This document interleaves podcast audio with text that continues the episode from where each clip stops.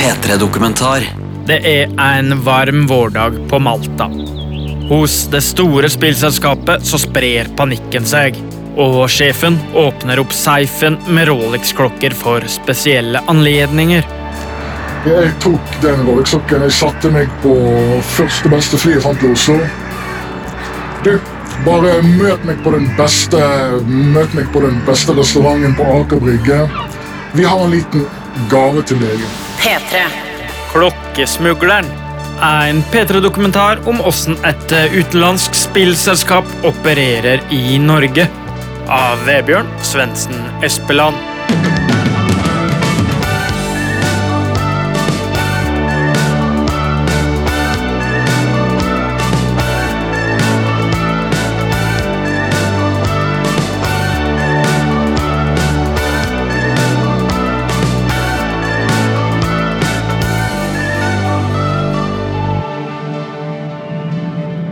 Flyet til Oslo så sitter vår mann med ei Rolex-klokke til verdi av rundt 60 000 kroner i dokumentveska si. På tollen i Gardermoen så går den dresskledde unge mannen på grønt, og unndrar dermed 15 000 kroner i moms fra den norske stat. Nå haster det. For den han skulle til Vegas en eller to dager etterpå. Mannen han skal møte på Aker Brygge, har over et par netter vunnet 3-4 millioner kroner på live blackjack, altså pengespill med dealeren direkte på skjermen. Det har gått så fort at gamblingselskapet ikke har rukket å kaste ut storvinneren. Da han tok dette, altså han begynte å betale ut disse millionene. da. begynte panikken å bre seg, og spesielt når jeg eh, snakket med han på telefon. Og han Du, men jeg skal til, eh, jeg skal til Vegas i en uke. selv om det var en uke eller to, det husker jeg ikke nå. Og da begynte jo panikken helt å bre seg. For at alle var jo helt eh, bombesikre på at han skulle bort der. Og alt det han hadde tatt hos oss, det kom han til å legge igjen i Vegas. Og, eh, men du vet hva logikken bak dette her er, da? Eh, jeg har jo ei viss formening, men samtidig så skurrer det litt at en kar som akkurat har loppa spillselskapet for 3-4 millioner på nettkasino, skal få overrakt en Rolex til rundt 60 000 kroner. Hvordan reagerer en storvinner på en slik gave? I denne P3-dokumentaren så skal du få høre påstander om metodene til en milliardindustri som du faktisk eier en del av gjennom oljefondet, om hvitvasking i 100-millionersklassa og om hasjbaron Gjermund Cappelens tilknytning til pengespill.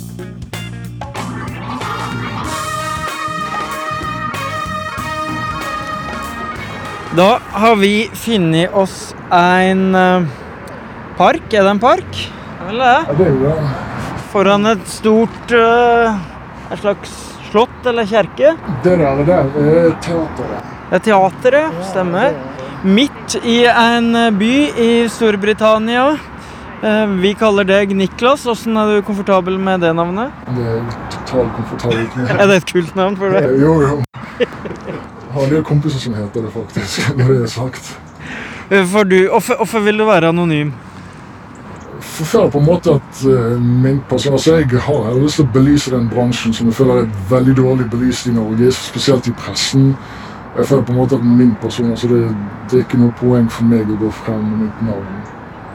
Niklas er ulastelig antrukket, som det heter, i businessdress. Han har dyre sko, og for anledninga så har han vrengt stemma si, siden han har brutt med og ikke ønsker videre trøbbel med tidligere arbeidsgiver.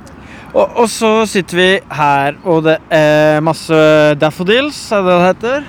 Påskeliljer. Påskeliljer ja, du- ja, det ikke er noen blomsterspesialist, men jeg tror det er gjerne det det heter. Han jobba med å ta seg av såkalte VIP-spillere i Norge. De fem prosenta som brukte mest penger, og særlig rundt 30 personer som spilte for ekstremt høye summer. Jeg fikk se tallene når VIP kunne spille. Sant? Altså hva de har i omsetning, antall runder spilt og sånt.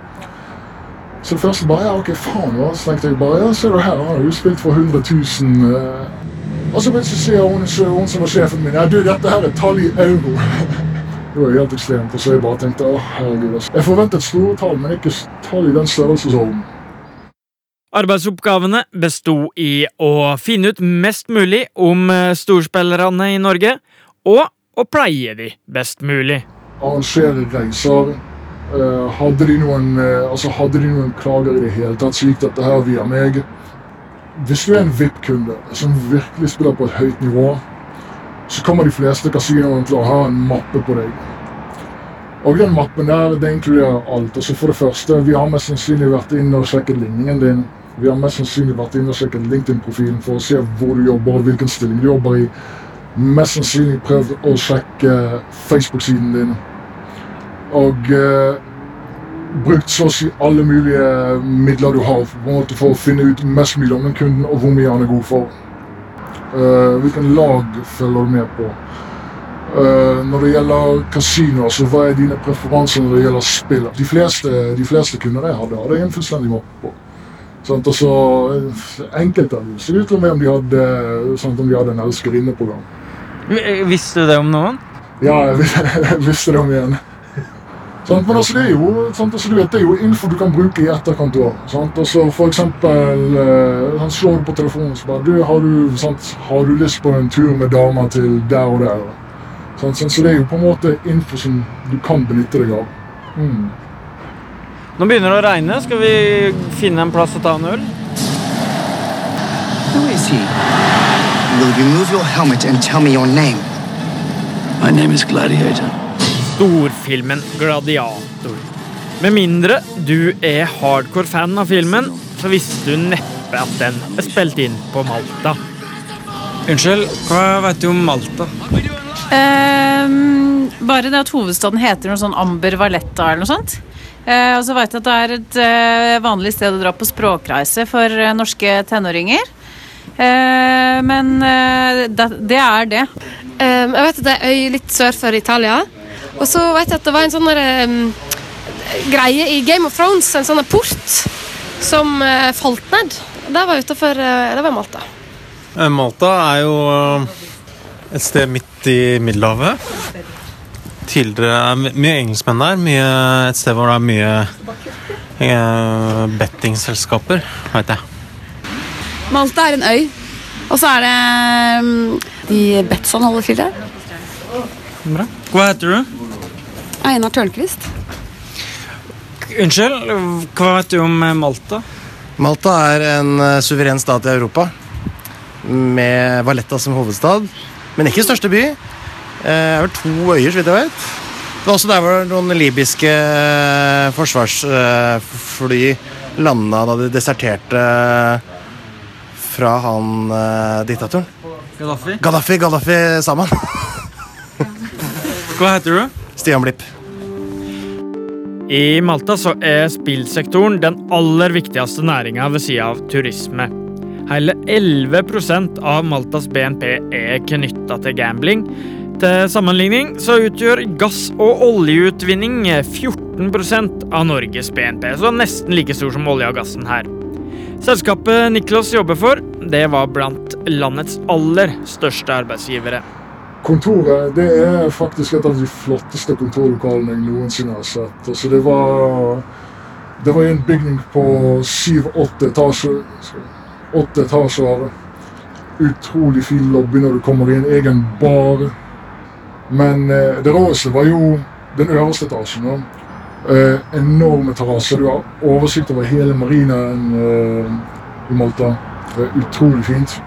Og i den toppetasjen mellom to panoramaterrasser så sto det fire-fem digre industrikjøleskap som var låst fra mandag til klokka fire på fredagen. På fredag etter arbeidstid så åpnet låsene fullt med alkohol. sant? Så etter klokken fire på fredager så begynte alle å drikke, og du måtte bare drikke. det. Eneste regel som var at du kunne aldri ta med deg medbrakt alkohol. This is a party song that makes the party going on. Hvem er du? Eh, Håvard Kampen. eh, Jeg er første statsadvokat i Økokrim og leder hvitvaskningsenheten her. Eh, Og så holder dere til i Hotell Cæsar, mer eller mindre? Det gjør vi. Vi er portvoktere for Cæsar. Økokrim jobber med de største økonomiske krimsakene i Norge, typisk i størrelse 20-100 millioner kroner.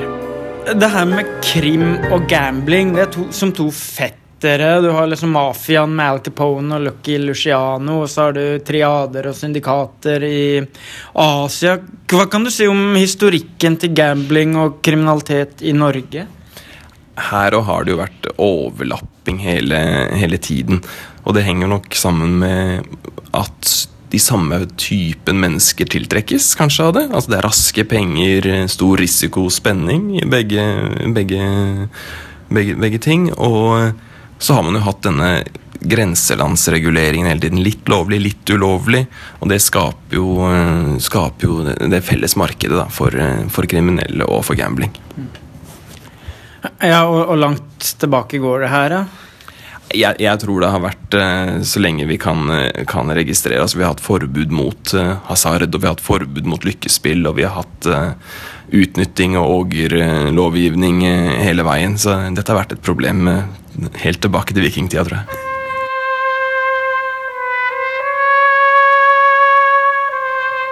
Gambling og mafia er knytt til hverandre som tenåringer og kviser. Poker og hestespill, kampfiksing og hvitvasking. I 1931 så legaliserte den amerikanske delstaten Nevada gambling, og sjefsgangster Al Capone planla storbygging av hoteller og kasinoer i den skitne og søvnige småbyen Las Vegas. Dessverre for Capone, og for så vidt familien hans, ble han arrestert samme året som gambling ble legalisert, og han ble sendt til fangeøya Alcatraz. Men andre gangstere fikk glede av å bygge ut i Las Vegas, som det jødiske gangsterradarparet Buxy Siegel og Meyer Lansky, som fikk bygd det legendariske kasino Flamingo.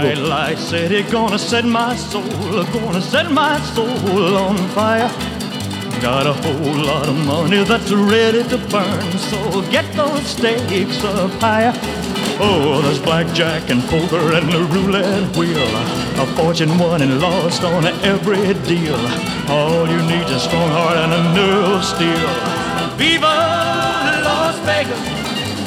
Viva Las Vegas! I dag så bor det rundt én million mennesker i gamblinghovedstaden i Nevada-ørkenen. Og det var hit den norske storspilleren hadde tenkt seg da Niklas ringte fra spillselskapet for en middag på Aker Brygge. Grunnen til at jeg fløy, fløy med den Rolex-klokken, er for at vi kunne ikke sende han. vet du. For at han skulle til Vegas en eller to dager etterpå. Og uh, hadde vi sendt den, i stopp, uh, sendt den klokken i uh, posten, så hadde den for det første blitt stoppet i tollen. Hvis vi hadde vært nødt til å betale avgifter på den.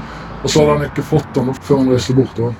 Vi møttes på Aker Brygge. Uh, på en veldig fin restaurant helt på enden av Aker Brygge. Selvfølgelig, sant? Så jeg, uh, sånn, vi, altså, vi spanderte jo absolutt alt av mat og drikkevarer. Så jeg fikk den Rolex-klokken overlevert. Og når dere da sitter der på Aker Brygge på en svindyr middag, og du gir han ei Rolex-klokke til 50 000-60 000 kroner, åssen reagerer han VIP-kunden da? Han ble ganske begeistret for det. det må jeg helt ærlig si. Og, liksom, jeg har aldri fått noe sånt, uh, jeg har aldri fått noe sånt i gave før. Så han, altså han trodde jo han hadde knekt koden, som det heter. vet du. Ikke nok med at, ikke nok med at du vinner millioner, vet du. Sånn, så kommer folk og inviterer deg på middag gir deg Rolex-klokker. Å dele ut dyre gaver og eksklusive reiser var jobben til Niklas. Så veldig, altså, Apple-produkter er jo veldig populære gaver uansett. vet du, sant? Problemet er at hvis du skal begynne å sende liksom eh, Macbooks og iPads og iPhone, altså iPhones i posten, så blir dette stoppet i tolv. Og det er jo altså For kunder så det er ikke akkurat så veldig greit. Du er VIP-kunde, men dette har blitt stoppet i tolv, du må fortolle dette, bla, bla. Derfor så var det vanlig å ha avtaler med Apple-forhandlere i Norge som sendte ut iPader og Macbooks, og så sendte faktura til Malta. Det aktuelle spillselskapets talsmenn sier at de ikke har kjennskap til det her med Rolex-klokker, men at Apple-produkter bestilles av norske leverandører. Det er jo en kapittel i seg selv. Altså, det er jo uh, Det er jo ganske vanlig altså, at du i løpet av én tur så nærmere 250 000-300 000 på en liten gruppe med kunder. Så du tar det med til f.eks. London på stadion, så ser du Arsenal spille. Så VIP-billetter, hele pakken. Jeg vet at vi sendte en veldig god kunde sammen med kona på US Open, og den pakkeløsningen var jo, den var jo i 100 000-kronersklassen bare for han ene kunden. Altså, uansett, altså, uansett hvor du drar, så snakker vi om en total VIP-løsning. Altså, du bor ikke på en trestjerners hotell. Altså, det er liksom femstjerners hoteller, det er fullt middag. altså Alt. Og alt er jo sponset av spilleselskapene. Det er langt fra sponseturer med europeiske spillselskap til Lucky Luciano og amerikansk mafia. Men vi må høre mer om disse gambling-pionerene også. For på 50-tallet så strømma pengene fra Las Vegas til mafiafamiliene i New York og Chicago. Og de vendte blikket naturlig nok etter nye plasser å plassere rulettbord og enarma banditter. Valget falt på sukkerøya Cuba, hvor den korrupte banditten Batista var diktator. Havanna kokte av sparkepike, kabaret, mambo og gambling på denne tida.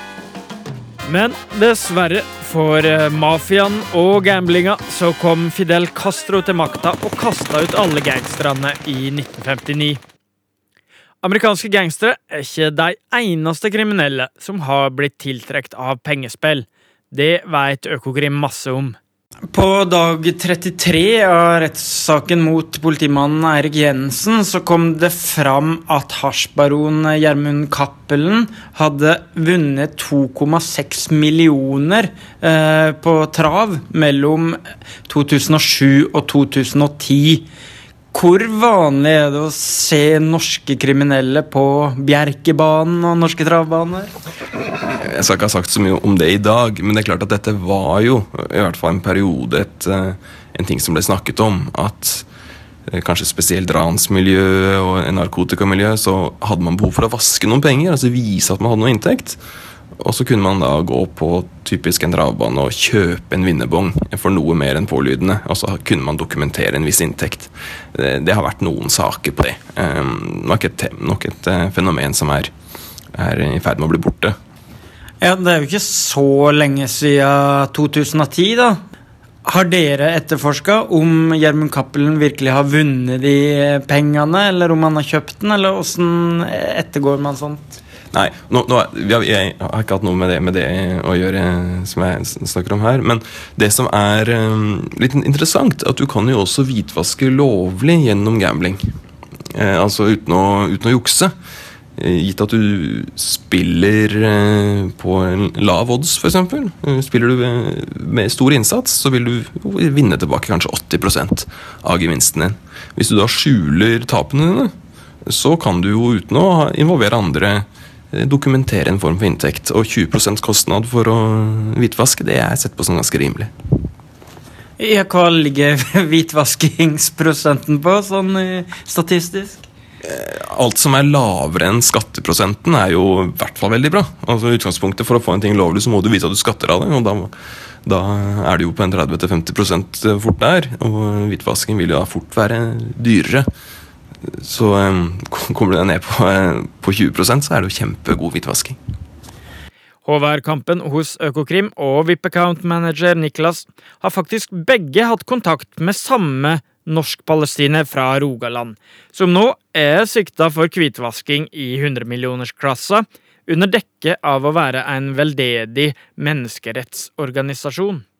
Ja, Det er jo for det første rett å karakterisere det som en slags veldedig organisasjon. for det at Ifølge Økokrim så var det jo bare en organisasjon som hvitvasket penger så å si fra Midtøsten. Han var jo en veldig stor kunde av oss. Og vi forsto ganske så kjapt at noe ikke var sånn som ikke, Altså at det var noe som skurret. For at eh, kortene han brukte til å gjøre innskudd, de var ikke personlige kort, det var firmakort. Og alle var utesteder av banker i Midtøsten. Grunnen til at det, det var faktisk jeg som fanget opp, og jeg visste hva som er grensen på overføringer med norske kort.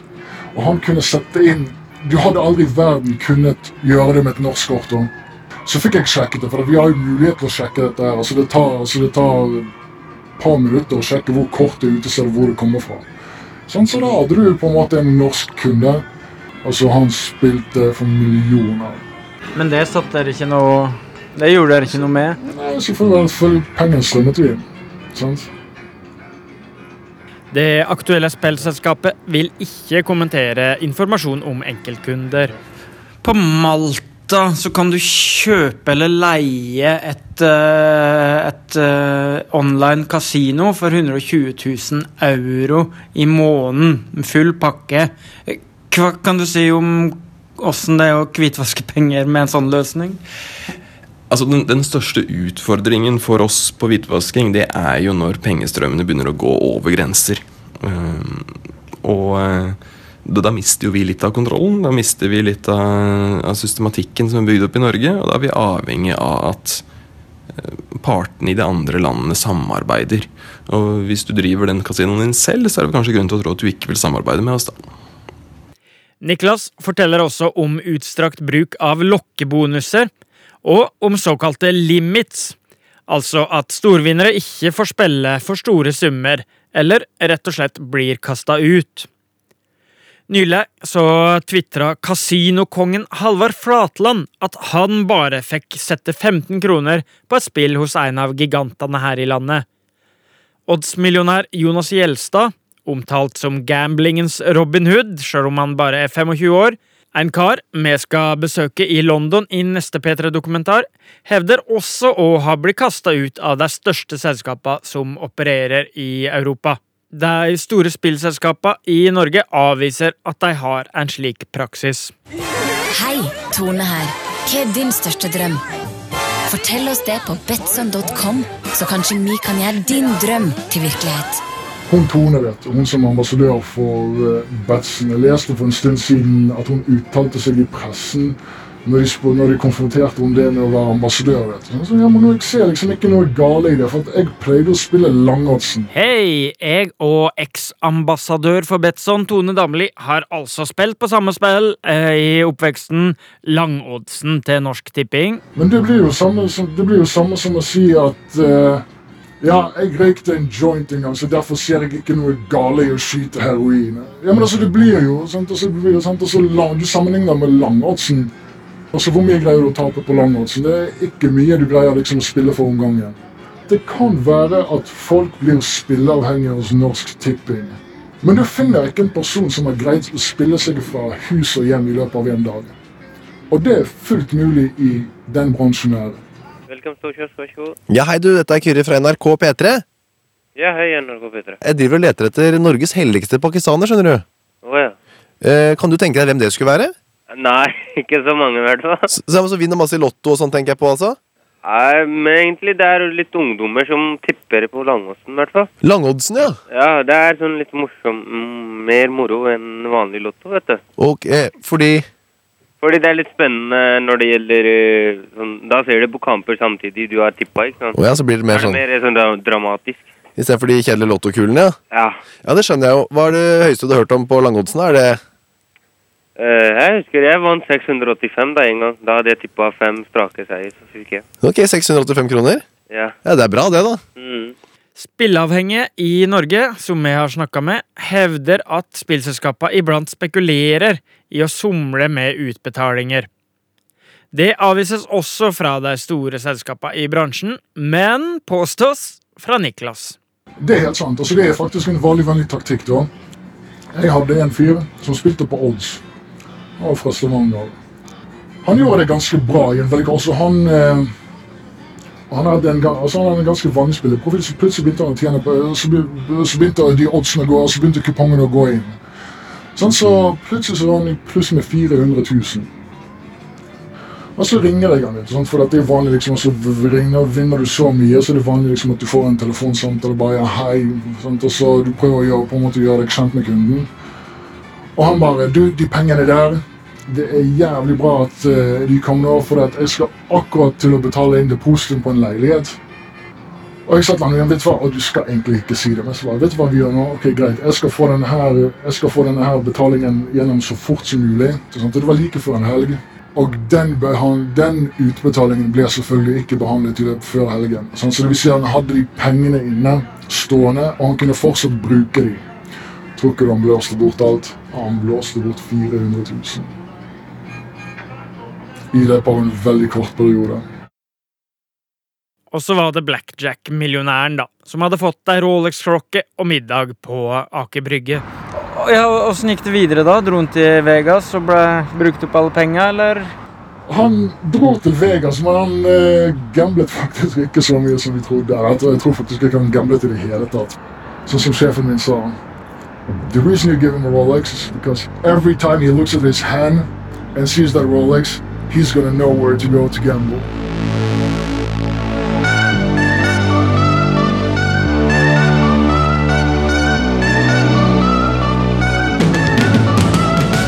P3-dokumentar søndag klokka ni på P3.